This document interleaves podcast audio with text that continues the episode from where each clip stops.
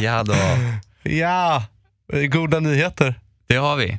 Ja, vi, vi ska ta nya pressbilder. Pressbilder eller bara eh, pressbilder är väl om det blir någon press på det på våran podd. Det kanske det inte kommer O- bli. omslagsbild åtminstone. Ja, de här små hero-bilderna som idag består av tre pojkar, du, jag och Tonka, som står små, som små tända ljus. Och det är dags att uppdatera det. Ja. För att Tonka har ju inte varit med på länge och det känns lite som att man har gjort slut med en tjej men man kan inte göra, ta bort alla bilderna direkt från Facebook och Instagram utan man måste låta det ta sin tid. Men nu är vi mogna tror jag. Ja, det är också lite så att eh, eh, Tonka som är snyggast Ja. av oss tre bidrar med väldigt bra looks. Oh ja. Så att, eh, av den anledningen har vi väl varit lite sega på att eh, ta nya bilder. Men nu ska vi göra det på, eh, i veckan här. Och det är du som har styrt uppet. Ja, du brukar ju alltid vara den som har alla kontakter i film och fotobranschen. Så nu vill jag steppa upp och visa att jag också kände coola fotografer och sånt där.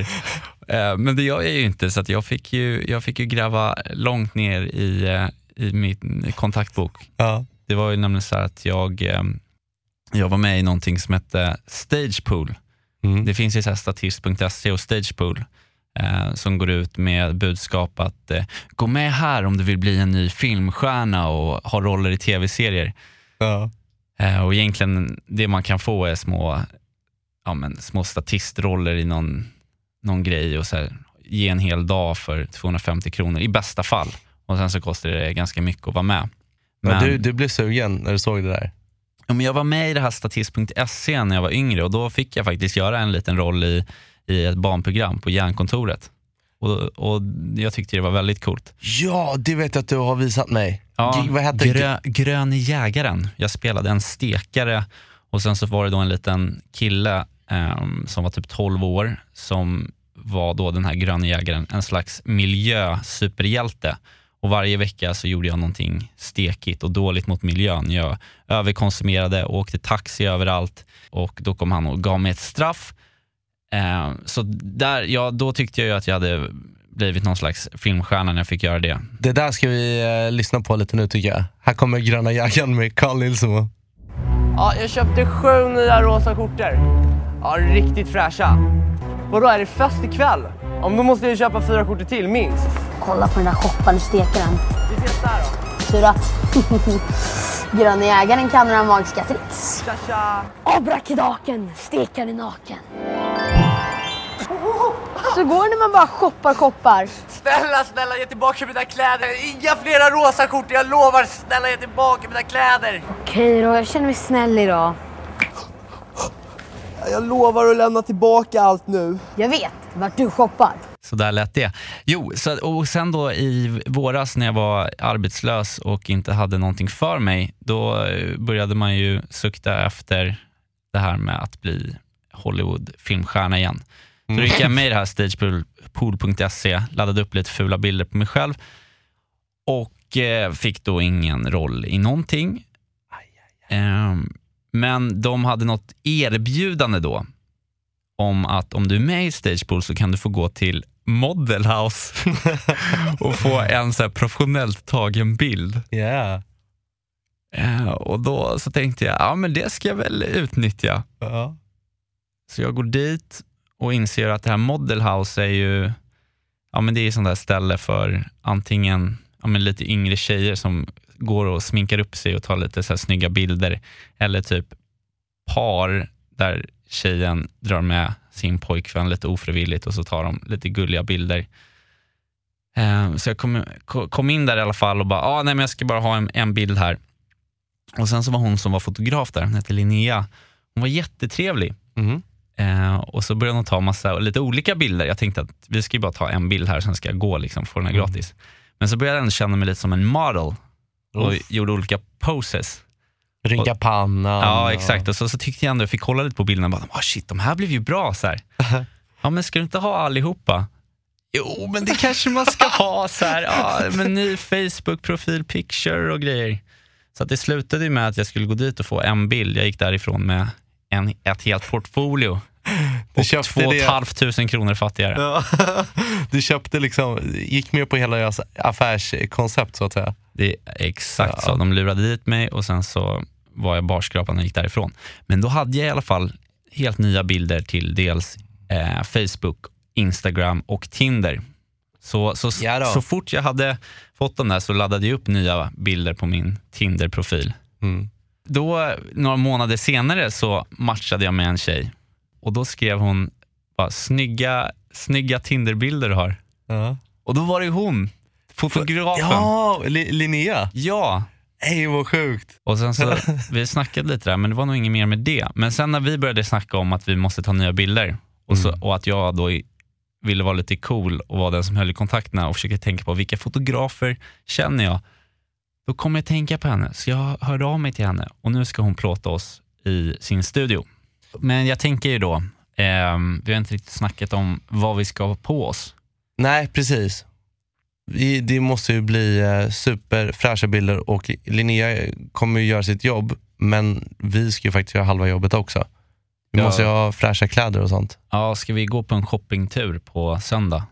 Det kan vi göra. Det var länge sedan jag shoppade faktiskt. På senare år så, ja men man har ju inte så mycket tid och ork och pengar att, att investera i fashion liksom. Även om man skulle gärna vilja göra det. En sak jag tänkte på häromdagen, det är att man väldigt gärna skulle vilja ha tre par skor.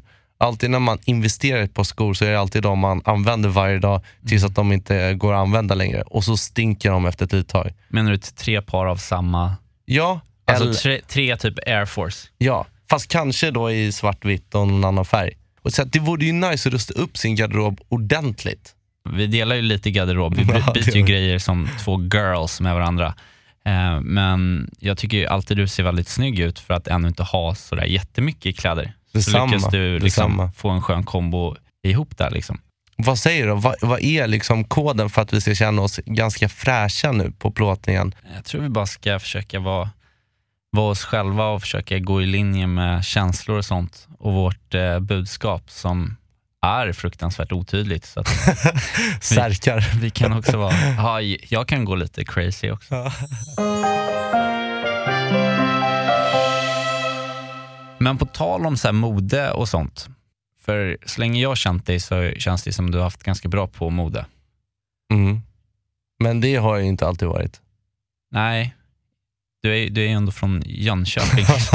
Har man inte så här trekvartsbyxor och sandaler där? Nej, inga, inga, inga fördomar mot landet här, men Nej, men alltså jag vet inte. Jag, jag tror modet som i Jönköping är detsamma som i Stockholm fast två år senare typ. Jag vet i och för sig inte ifall ni hade de här utsvängda brallorna, hockeyfrisyr, hockeyfrippa. Mm. Hade ni det? Ja, men, ja, alltså utsvängda brallor känner jag igen. Jag, jag hade ju, jag försökte, kolla- jag kollade igenom lite bilder från så här högstadiet och eh, på de här klassfotona, Mm. då hade ju alla klätt upp sig sitt finaste. Så där kan man verkligen se vad för liksom, mode som gällde då. Mm. Och eh, när jag ser mig själv så vill jag ju hoppa framför en stor polsk traktor. Jag hade ett par nude jeans. Uff, men det, var, det är ju Det inte, coolt. De var lite utsvängda också. Det var bara det att det var ju inne då, det har ju börjat komma tillbaka i år, men det var inne då med trashade jeans. Ja. Problemet var bara att eh, jag hade inte riktigt fattat det där hur man skulle göra. För de som var duktiga satt ju med slippapper och rakblad och grejer. Jag tog bara kökssaxen, jag gick och köpte ett par nude jeans för fruktansvärt mycket pengar. Och sen så bara klippte jag. Så stora hål bara rakt av, lite här och där. Gick på känslan och sen så hade jag klippt dem och sen så insåg jag att ja, nu har jag ju totalt bara klippt sönder de här. Vad som mamma då? För jag antar att det inte var dina pengar. Ah, vad är helt vansinnig alltså. Vad har du gjort? Aj, aj, aj. Den är ju klassisk. Och sen var bandana in också. Vänta, nude jeans utsvängda och bandana. Alltså bandana runt huvudet. Eh, sen hade jag då ett brett vitt bälte med turkosblått spänne från J. Lindeberg. Uff. Och sen Gud, skulle man ju då ha hoodie-tröjor eh, med olika tryck på. Antingen de här Kanadalöven eller Wii eller... Men sen, jag kommer att tänka på en annan sak också, just på tal om byxor. För jag älskade de här utsvängda. Mm. Vet du varför? Varför då? Därför jag hade så otroligt smala vader. Aha. Och jag ville så gärna ha så här, muskliga, lite större vader som de coola killarna i klassen hade. Men det hade jag inte. Så när de här utsvängda byxorna kom så vart ju det guldbyxor för mig. För då kunde jag dölja att jag hade smala vader. Jag kommer ihåg det, det var andra med smala vader som på just klassfotona satt, och, satt ner på bänken och så tryckte de sina vader mot bänk, bänkkanter för att vaderna skulle se så här stora ut. Mm. Jag gjorde inte det, för jag satt aldrig ner. Men det, det var någon sån grej. Så det där med, det, jag höll kvar vid utsvängda brallor så sjukt länge efter att det inte ens var mode längre. Sen kommer jag ihåg när jag, jag tror att det var när vi skulle sluta nian. Då hade jag investerat i en outfit med kläder som bara bestod av märket Nike. Ah. Vadå, Det, va? ja, men det, det var coolt, eller vadå? Ha- Hade du aldrig Nike-perioden?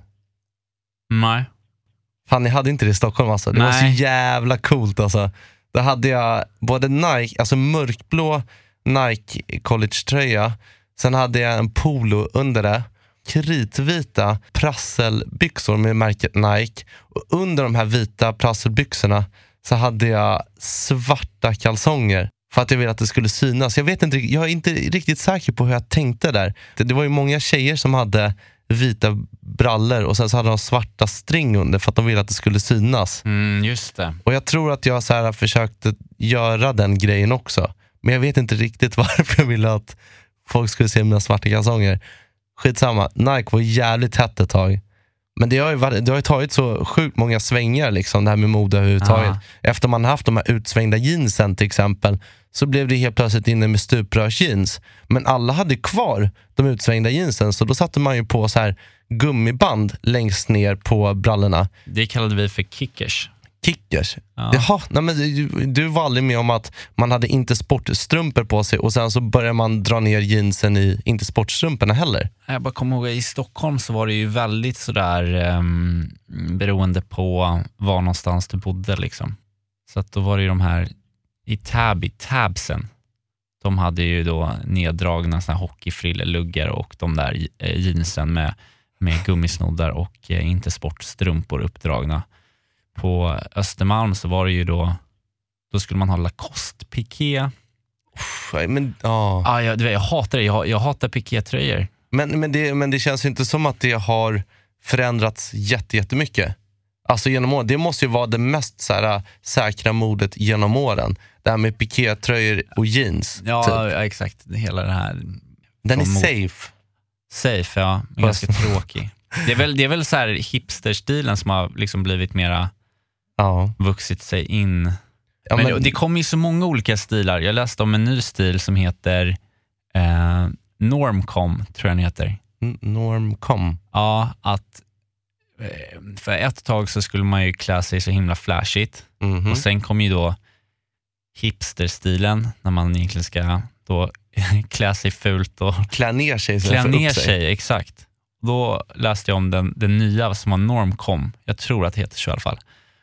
Men då skulle man alltså klä sig så himla neutralt som möjligt. Mm. Om vi säger att hipster är så att du ska ha mustasch och någon konstig sjal och cardigan och jag vet inte, vad har hipsters? Sån här eh, sotarmössa och grejer. Ja, så Normcom var att klä sig så sjukt normal som alltså så här tråkigt bara, helt vanligt. Typ så här fleecetröja och billiga, typ, det låter lite hipster, men Nej men det är väl så här kata- Jo, katalogs... katalog, eh, exakt. Sån här amerikansk katalog, som att du har köpt allting på, i en katalog. Postorderkatalogmode. Ja, ja, ja. Tidiga Dressman helt enkelt. Jag har ju lyssnat väldigt mycket på podcasts senast, bara för att jag älskar För det. att du själv nu är podcastkreatör. Ja, men och jag har lyssnat på poddar tidigare. Det har jag verkligen gjort. Det har varit några som jag har följt i flera år. Men det är så mycket nu. Så jag, jag sållar runt lite och kollar lite. Och det finns verkligen saker för alla där ute. Mm. Men ja, senaste tre veckorna så har jag även börjat lyssna på ljudböcker. Okej, det har inte jag gjort faktiskt. Är det, är det bra? Det är svinbra. Alltså, Jag är ju inte en person som läser särskilt mycket. Jag har verkligen försökt. Men det är inte riktigt min grej. Jag tycker om att lyssna på saker, därav min kärlek till podcasts. Mm. Men just att få en bok uppläsen är fantastiskt mysigt och man, det är också att man kan göra saker under tiden samtidigt som man får de här fantasibilderna som man får när man läser också i huvudet. Läser de bara upp den rakt upp och ner eller lägger de in ljudeffekter och sånt? Ljudeffekter brukar inte... Uff, vilken bra idé, Kalle. Ja. Ljudeffekter på ljudbok. Ja, jag, jag, vi återkommer till det, men jag lyssnade på en, en bok av Martina Haag som heter Det är något som inte stämmer. Och Den kan jag rekommendera, för den var faktiskt sjukt gripande. Det handlar om när hon går igenom en skilsmässa. Jävligt svart, men också väldigt fint att få se hur hon tar, tar sig igenom det så att säga. Relationer som har gått i kras. Konstigt att, att du tycker det är intressant. Det var starkt i alla fall. Ja, ja, men vad bra. Du kan få inspiration från den och sånt där. Nej. Ja, verkligen. Men Ja. någon som borde ta inspiration från det här med ljudböcker, det är Mm. ju du. Jag? du. Du kanske inte kommer ihåg det här, men jag kommer ihåg att typ för att det kanske var ett år sedan, så började du skriva på en bok. Jag vet inte vad den hette, men du började skriva på en bok. Och, som, och, jag, och, du, eh, och du läste upp typ ett eller två kapitel för mig och jag tyckte det var så briljant. Ja. Och det var också under en period när du inte mådde jätte, jättebra. Du så här famlade efter ett projekt att hugga tänderna i. Mm. Och det här med att skriva en bok tyckte jag var helt jävla rätt för dig. Och nu hittar du radio istället och hittar podcast istället. Men den där boken måste du ju ha kvar någonstans. Eller hur? Just det, just det. Ja, men jag kanske har den på min dator. Ja, det var ju en kväll jag, jag bara började skriva lite. Det var Mhm. inte så att jag hade så bestämt mig för innan, utan jag tror att jag behövde skriva av mig. Men jag, jag har ju hört om folk som skriver dagböcker Mm. och det har ju jag alltid tyckt varit så här: nej, det är inte för mig. Så du har aldrig tyckt om Batch dagbok? Jo, batch, jo men det, det är en annan grej. Så att, men det jag skrev var ju då någon slags batch dagbok. Utan det kanske är lite känslor som jag hade, men det är nå- en, var väl en början till någon slags fiktiv berättelse. Väldigt inspirerad av batch dagböcker också, för det är Mm. de enda böckerna jag har läst, förutom Arto Pasalina och de här böckerna Hundraåringen och det där. De tycker jag, så här, böcker som är lättlästa. Ja, jag är också sån jag- lättlästa. Ja, nej, jag är ju ingen så här skönlitterär brott och straff och Ja, men man ska hålla sig till det man faktiskt på riktigt tycker är kul. ja. Så att, men Kalle, kan inte du läsa upp? Let, kan inte du, jo men le, så här, för er som inte hört någon ljudboken, kan inte Kalle bara få göra sin egen ljudbok och så kanske, kan- så kanske jag kan ljudlägga lite efter det. Så gör vi ett nytt koncept på det här. Så kan du läsa upp åtminstone ett halvt kapitel. Vi kan leta upp på min dator här så Mm. om jag hit, hittar det så kan jag, Ja! kan, jag, kan jag läsa upp. Alright, är du med då? Jag är med. Nu ska vi alltså lyssna till Carl Nilsmos egenskrivna bok. Kan du berätta lite om den? Vad heter den, Kalle? Boken heter Blessa mig och första kapitlet heter Fuck my life. Grovt. Okej. Varsågod.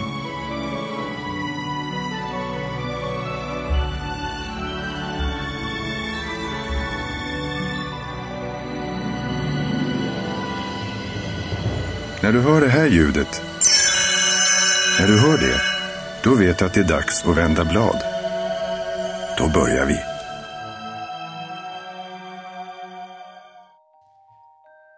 Här ligger jag nu. Likt en nedklubbad blåsäl i min sneknullade Blocket-säng med en som Ingmar Bergman skulle uttryckt det, jävla massa ångest. Outfiten består av- ett par ut och invända kalsonger från budgetmärket Emporia och ett par 3D-glasögon från den senaste Jurassic World-filmen. Eftersom jag supit bort eller av misstag satt mig på samtliga solglasögon jag någonsin ägt är dessa duktigt fula brillor mitt i dagsläget bästa skydd mot den påstridiga majsolen som irriterar mig lika mycket som en odräglig fjortis som provat kaffe för första gången. Medan jag ligger och imponeras över två siamesiska kattungar som lägger stämmor på en Luciano Pavarotti-låt hör jag plötsligt ett dovt pling. Ljudet var ett typiskt mobilljud och verkar ha kommit från höbalen av smutstvätt som ligger placerad intill den bruna läderfåtöljen som jag räddade från grovsuprummet förra helgen. Jag betraktar smutstvätten och för några sekunder njuter jag lite för mig själv. Av någon outgrundlig anledning finns något vackert med högen av intersportstrumpor och smutsiga weekday jeans. Den är liksom helt naken och ärlig där den ligger. Undrar om jag kanske kan ställa ut den på något konstmuseum och kalla det för en installation. Det kanske skulle generera pengar som jag kan använda till att betala min påminnelsetyngda elräkning med. Mobilhelvetet måste alltså befinna sig någonstans i massgraven av fyra år gammal fashion. Jag har några minuters seriös överläggning med mig själv med mig själv om huruvida det är värt att ta sig upp ur sängen och bege mig på en expedition till andra sidan rummet för att likt en guldgrävare från en amerikansk vilda västern-film skyffla mig ner i högen av fartränder och intorkat fotsvett i jakt efter min iPhone 4 med sprucken skärm. Mobilen låg mycket riktigt i mitten av högen i mina gråa mjukisar som jag stolt burit sedan högstadiet. Det var min flickvän Sandra som hade messat. Kan du ses idag? Vi måste prata. Jag messade tillbaka ett “Abso-fucking-fruitly baby” medan jag försökte sparka ihop kläderna till det ståtliga berg det en gång varit. Sandra svarade omgående med ett avskalat sms där hon klargjorde att vi skulle i så fall ses på Café Mocco klockan två. Jag noterade att smset varken innehöll hjärtan, apor eller en glad smiley med tungan utanför munnen på slutet, vilket brukade vara en kutym i våra sms-konversationer. Sandras kyliga avslut kunde alltså bara betyda en sak. Sandra är sur. Nu har hon antingen varit i skvallertjafs med någon av tjejkompisarna från Djursholmsgänget och behöver därför någon, a.k.a. mig, att spy ur sin galla på. Eller så är hon fortfarande lack för att jag missade förra helgens supé med hennes uppblåsta överklassfamilj. Hur kan det vara så svårt för henne att fatta att jag har noll intresse av att sitta och diskutera bolagsfonder med hennes uberkonservativa pappa Gustav? Ja, nu ska jag inte vara den som är den. Konversationerna kunde ju också innefatta långa utläggningar om vikten av en ekonomiexamen eller varför det är fördelaktigt att använda sig av en tvåpipig hagelbössa när man jagar vaktel.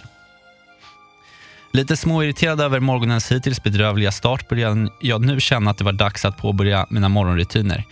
Dessa bestod av att scrolla igenom Instagramflödet, läsa Expressens sportsida och hetssnusa en hel dosa Kaliber. Vid halv elva-snåret började min ångest att bli extremt påtaglig. Min hjärna var som en tennismatch i Franska öppna, där tankarna slogs, slogs likt tennisbollar från höger till vänster hjärnhalva för att sedan fastna i nätet eller åka upp på läktaren. Det var helt omöjligt att hålla fast vid ett och samma tankemönster. Ena sekunden kunde jag få för mig att klämma pormaskar framför badrumsspegeln medan jag i nästa sekund kände ett enormt behov av att stocka upp gamla flammor på Facebook eller försöka slå nytt rekord i att hålla andan. När jag kände att mitt huvud var på gränsen till att bli en överhettad lastbilsmotor sjönk jag handfallet ner i min favoritmöbel, saccosäcken, och slog på tvn. Jag var tvungen att bli kvitt samtiden för ett tag och den bästa medicinen för detta stavas säsongsspel i Fifa 16. Jag ligger i division 3 för tillfället, men allt kan hända när man är i Real Madrid. Efter tre timmar av Fifa-maraton hade jag träningsvärk i mina tummar och liggsår i stjärten. Dessutom var jag sen till min mockoträff med min, med min förmodligen redan halvsura flickvän. Jag slog av konsolen, halsade en burk Falcon Lager som var det trevligaste jag hittade i mitt unkna kylskåp medan jag krafsade ihop lite kläder och försökte lokalisera mina nycklar. Efter att ha satt nytt personligt rekord mellan Husporten och Åkersbergas pendeltågsperrong eh, kunde jag konstatera att jag förmodligen bara skulle bli 20 minuter sen till Café Mocco. Jag messade Sandra att jag hade dessvärre eh, behövt agera superhjälte och rädda sju stycken hundvalpar från att bli innebrända och att jag därför skulle bli en aning sen till vår kaffedejt. Sandra svarade inte. När jag kom in på Mocco kändes det mer som att jag hade råkat crasha en träff för unga lattemammor. Det annars stillsamma kaféet på Nybrogatan 38 hade förvandlats till en djungel av bäst före-datum passerade kvinnor i 33-årsåldern och deras skrikande ungjävlar. Mammorna sörplade på sin chai-latte och åt morotskaka medan de kacklade om vilka fantastiska framsteg deras snoriga ungar hade gjort. Jag förbannade mig över att Sandra hade valt att ses på detta helvetets plats men svalde min ilska och trängde mig fram till disken medan jag parerade för små stapplande krabater i hängselbyxor och kladdiga munnar. Längst in i kaféets vänstra hörn fick jag syn på henne. Sandra var som vanligt prydligt klädd i en vit och ljusblå streckad blus och ett silverhalsband från någon homosexuell fransk designer. Sandra såg precis ut som hon gjorde när vi träffades för fem år sedan. Jag minns fortfarande den kvällen när jag för första gången fick uppleva karibiska fjärilar fladdra runt i magen. Under den tiden vi hade träffats var jag bekant med ett antal personer från Stockholms så kallade innegäng. Och den här kvällen hade ingen mindre än Carl Magnus av Segerklint och finansministerns son Jakob Fridell bjudit in till Kräftis på Carl Magnus vräkiga sommarställe längst ute på vackra Soludden. När jag hade anlänt till festen, kindpussats och beundrat Carl Magnus studentpresent, en Porsche Black, föreslogs bastubad, vattenskoteråkning och bubbel ner på bryggan. Och det var där jag för första gången såg Sandra. Det var något speciellt med henne.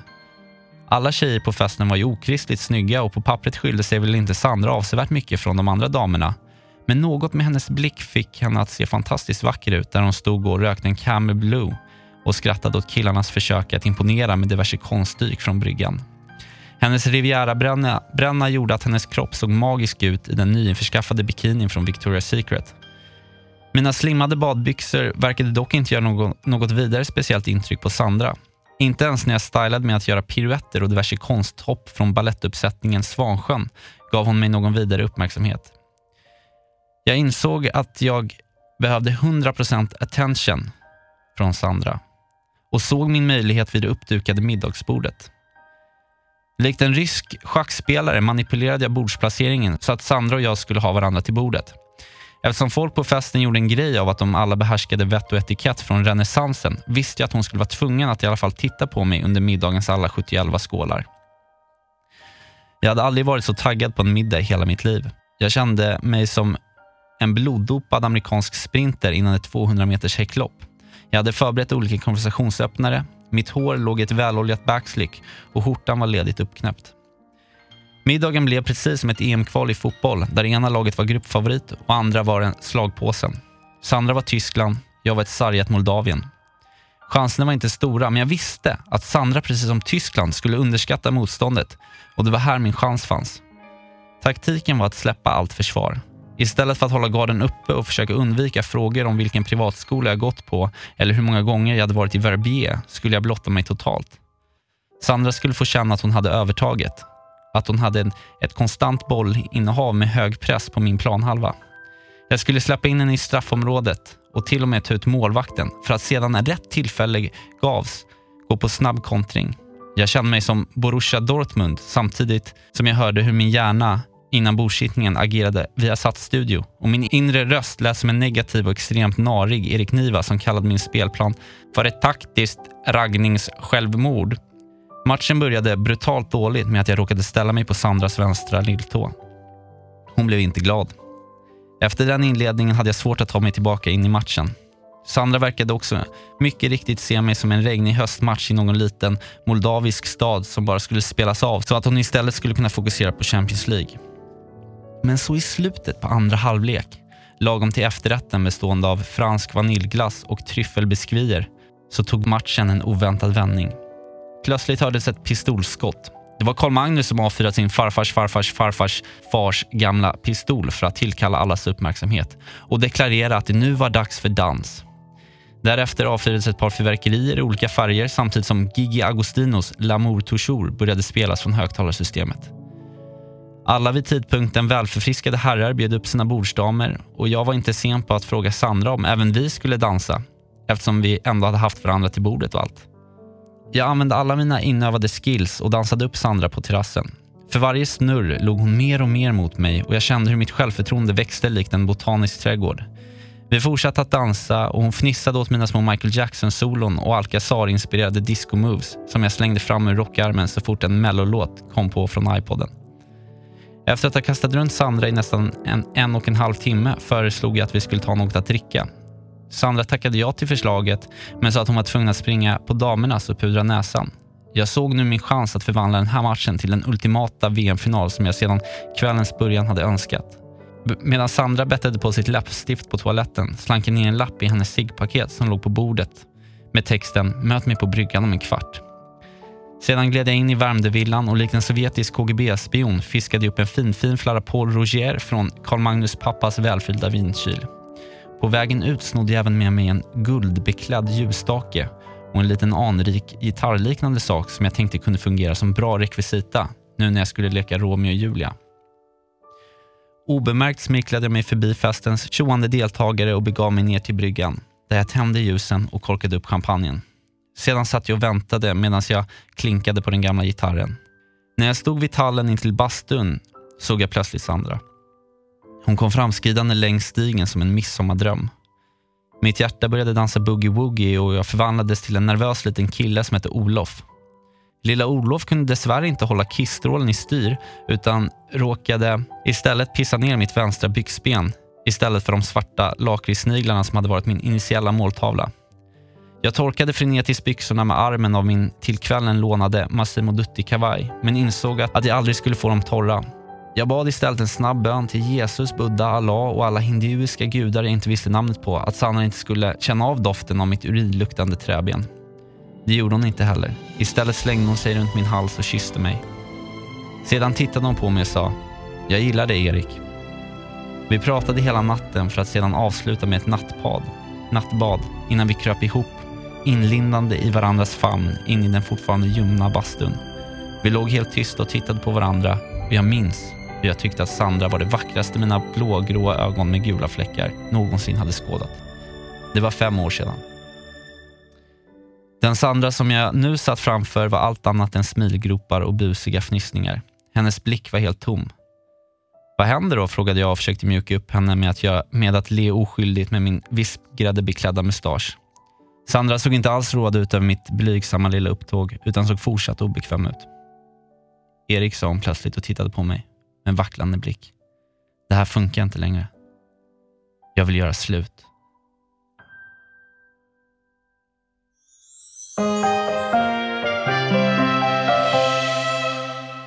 Fan vad grymt Kalle. Ja. Det är ju faktiskt jätteduktig författare.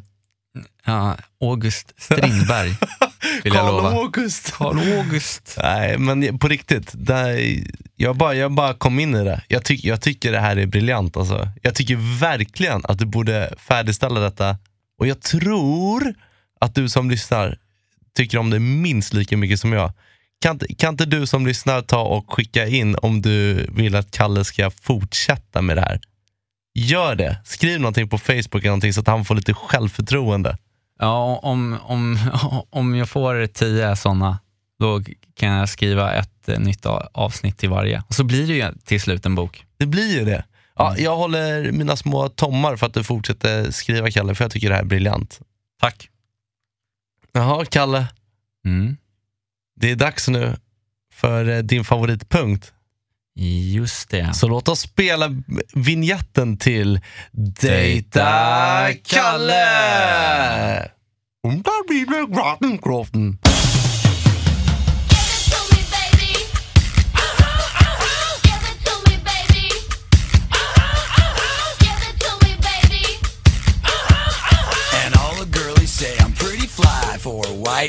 Hur har det gått? Jag fick ett uppdrag av dig Niklas, att denna vecka så skulle jag, eh, om jag såg en tjej så skulle jag ragga på henne och försöka få hennes telefonnummer. Och då eh, spela in det, försöka spela in det också, så att du kunde få lyssna på det. Och eh, jag hade lite svårt att hitta vad jag skulle då, vad jag skulle bli intresserad av någon tjej som jag skulle vilja få telefonnummer av. Men du har varit ute och vandrat på, på Stockholms gator så att ja, säga. På gatorna, Coop har jag varit på. Ica Maxi, Donken. Bra. Men man får inte glömma att ibland så ska man bara gräva där man står. Mhm. Och Vi har ju ett eh, fik i, ehm, liksom nere i receptionen Mhm. av det här stora huset där jag jobbar. Ehm, och där så jobbade en tjej som jag tycker är ganska snygg. Mhm. Och Det känns som att vi har så här utbytt blickar och sånt. Och Ibland så har jag liksom gått ett litet, i en liten halvcirkel för att liksom så här, hon ska se mig. Mhm. Gått en liten omväg på väg ut. Liksom. Och ibland har jag pratat i telefon samtidigt och försökt låta, låta aktuell. Säga saker som, ja vi får kolla på den där budgeten, eh, det är mycket nu, eh, men... Och sen så här, stanna upp lite och snacka i telefonen så att hon ska här, se mig. Hur har det funkat då? Nej, det har inte gått, det har inte, det har inte gått framåt så mycket med det. Men då tänkte jag att det här kanske är tjejen då som jag ska fråga efter telefonnummer. Mm. Eh, så jag gjorde det. Jag gick fram till henne och jag spelade in på min mobil. Jag höll den lite så här diskret bara liksom framför mig. Och så här lät det. Skulle du kunna göra en trippel mocha choca frappuccino? Eh, oj, nej, det har vi inte här. Har ni inte det? Nej, En eh, vanlig cappuccino då? absolut. Någon speciell mjölk? Eh, nej, bara vanlig mjölk. Eller har du någon speciell mjölk som du rekommenderar? Eh, havre, jag har soja, laktosfri eller vanlig. Bara vanlig mjölk. Vi bra, kör tack. vanlig. Ja, bra. Jaha, ehm, vad heter det? Jo, jag, jag har ju sett dig här när du baristar. Mm. Ja, jag jobbar här. Ja. Typ heltid. Okej, okay, Nej men jag bara undrar för att jag tycker att du verkar sjukt härlig. Så tänkte jag bara höra om, eh, nej men att jag kanske kunde ta ditt nummer. Eller fråga om ditt telefonnummer och så, ja, om du vill hitta på något någon gång. Något annat än kaffe liksom. Eh, alltså, um, nu jobbar jag ju. Det känns lite konstigt kanske att ge nummer till dig så. Ja, nej, men jag eh, förstår Alltså att- du är ju säkert jättetrevlig men... eh, Ja, det är jag faktiskt. Nej, men jag förstår att det känns lite kanske konstigt så här, lite Ja. snabbt på men eh, Alltså jag brukar inte göra det men... eh, Jag vet inte riktigt. nej men eh, okej så, men okej. Men du, jag kan inte få ta ditt nummer och ring, alltså, så- eller sms eller något så kan vi, Nej, Jag bara tänkte inte att- denna gången tror jag inte. jag tyckte att du var väldigt söt och sånt, eller snygg. Jättesnällt, alltså superfint men ja, nej jag vet inte riktigt. Nej, okej. Tack. Tack då. Aj, aj, aj, aj, aj. Det där Nej, det vill- gick ju inte jättebra. Nej, jag vill inte prata om det. Men, Så, men det var jättemodigt, Kalle. mm, Du klarade av veckans uppgift. mm. Nu lämnar vi det där. Ja. Har du blivit dissad någon gång? För det var det jag blev, jag blev dissad. nu får du säga istället så att jag... Jag har blivit, jag har blivit dissad många gånger. Alltså det viktigaste är att man på något vänster kan damma av nederlaget från axlarna och keep on buffering, alltså gå vidare. Mm. Men jag har blivit dissad ja, flera gånger. Jag kommer ihåg en gång i, jag tror att det var när jag var ja, runt 14 bast kanske. Och när jag bodde då i Åkarp så fanns det en tjej i klassen som hette Emilia som jag tyckte var så fruktansvärt snygg. Hon Mm. var alltså klassens snyggaste. Och jag tyckte att vi hade fått någon form av liksom, kontakt under lektionerna och på rasten och sådär. Det kändes som att vi flörtade lite med varandra. Men jag var inte riktigt helt säker. Men sen en dag så, spel, så kör vi Snurra flaskan, du vet. Mm. Eh, Eller om det var sanning eller konsekvens. Men då kom det fram att Emilia tyckte att jag var snygg. Ah, Och det var ju en härlig dag för mig. det är såklart.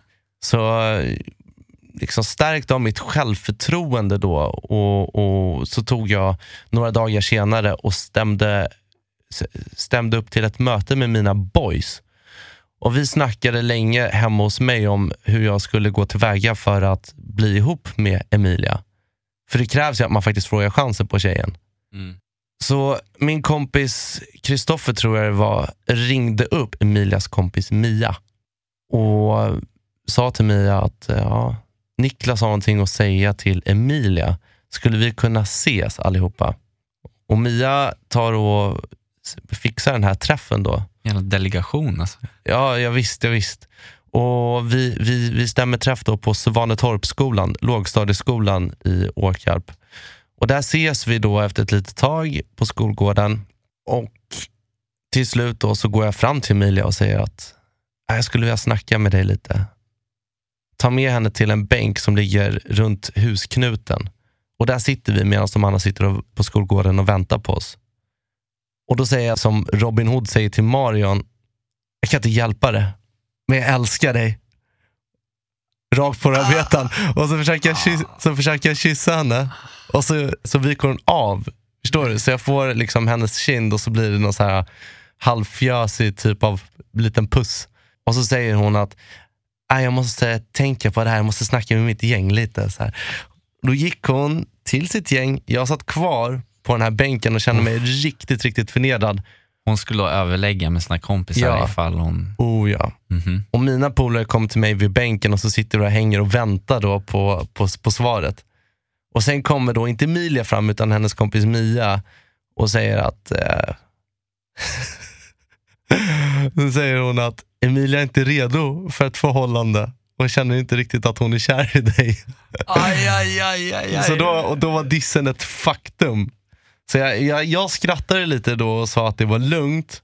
Men den skammen. Jag, jag gick liksom Ja, men med hem. så många, många människor som var med och bevittnade det här. jag vet, det är så sjukt. Och då gick man ju hem så här med svansen mellan benen. Jag la mig i fosterställning. Och vad tror du att jag lyssnade på? Vad lyssnar du på? Fool Again med Westlife. Ja, bästa Heartbreak-sången. Ja, det, var ju, det var ju bara en av alla gånger man har blivit dissad. Men det känns ju, det gör det. Ja, det, det, det är jobbigt. Det är jobbigt. Men det tar oss vidare, för nu tänker jag passa på här då. Mm. Och för även den här veckan ska vi faktiskt göra en freestyle, Kalle. Såklart. Men jag tänker ju att freestyle-ämnet då passande nog skulle kunna vara att bli dissad. Ah, dissan. Dissen. Ja, men det är jättebra, då kan jag få skriva av mig med, om den här eh, hemska upplevelsen då. Eller hemska hemska, med min diss här i, på kaféet. Och så Ja. kan ju du. Ja, kan jag ta en av mina andra dissar som jag har varit Ja. med om? Perfekt. Vad blir det för bit då? Ja, jag tänker att vi ska köra den här, uh, kommer du ihåg låten Fuck It med han Amon eller Imon eller vad han heter? Fuck you you ho, I don't want you Ja, back. exakt. Jag tycker vi kör på den. Det blir svinbra. Så vi säger tack och bock för 20 minuter och stanna kvar för vi är strax tillbaka.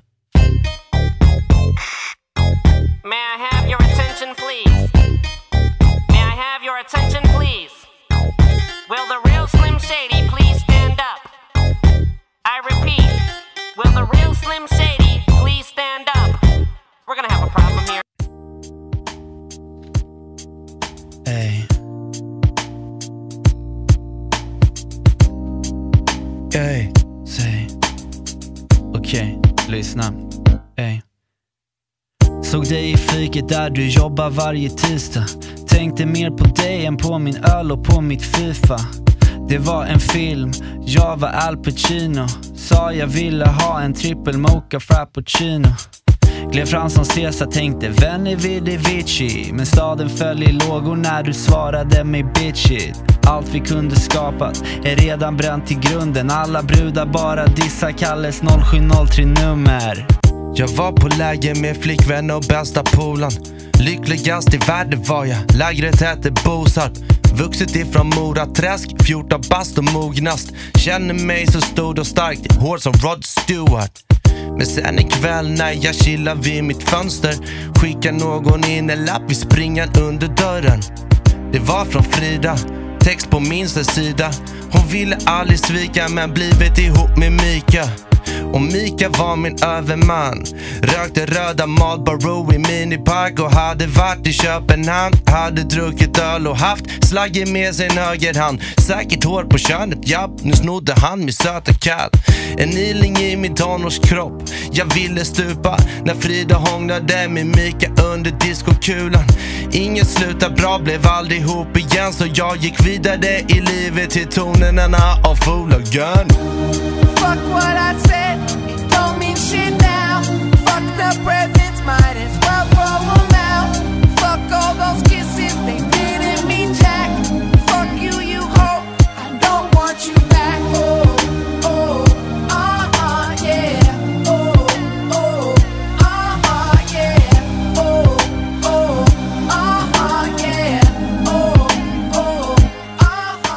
Många gånger har man inte varit lite sådär småsårad i sitt lilla tonårshjärta, men har gått vidare? Ja, det är det vi gör, vi killar. Vi är starka, independent men who can be strong by ourselves. Ja, vi är överlevare. Vi är känsloöverlevare. Det Ja, var vi Och bara på't igen nästa vecka. Och en annan som är på det igen nästa vecka, det är säkert min farfar som säkert kommer dra en liten nobbe i strupen och bara säga en sak. Han säger bara Hej då! Baby, I know the story. I've seen the picture. It's written all over your face. Tell me, what's the secret that you've been hiding. And who's gonna take my place. I should have seen it coming. I should have read the signs. Anyway I guess it's over. Can't believe that I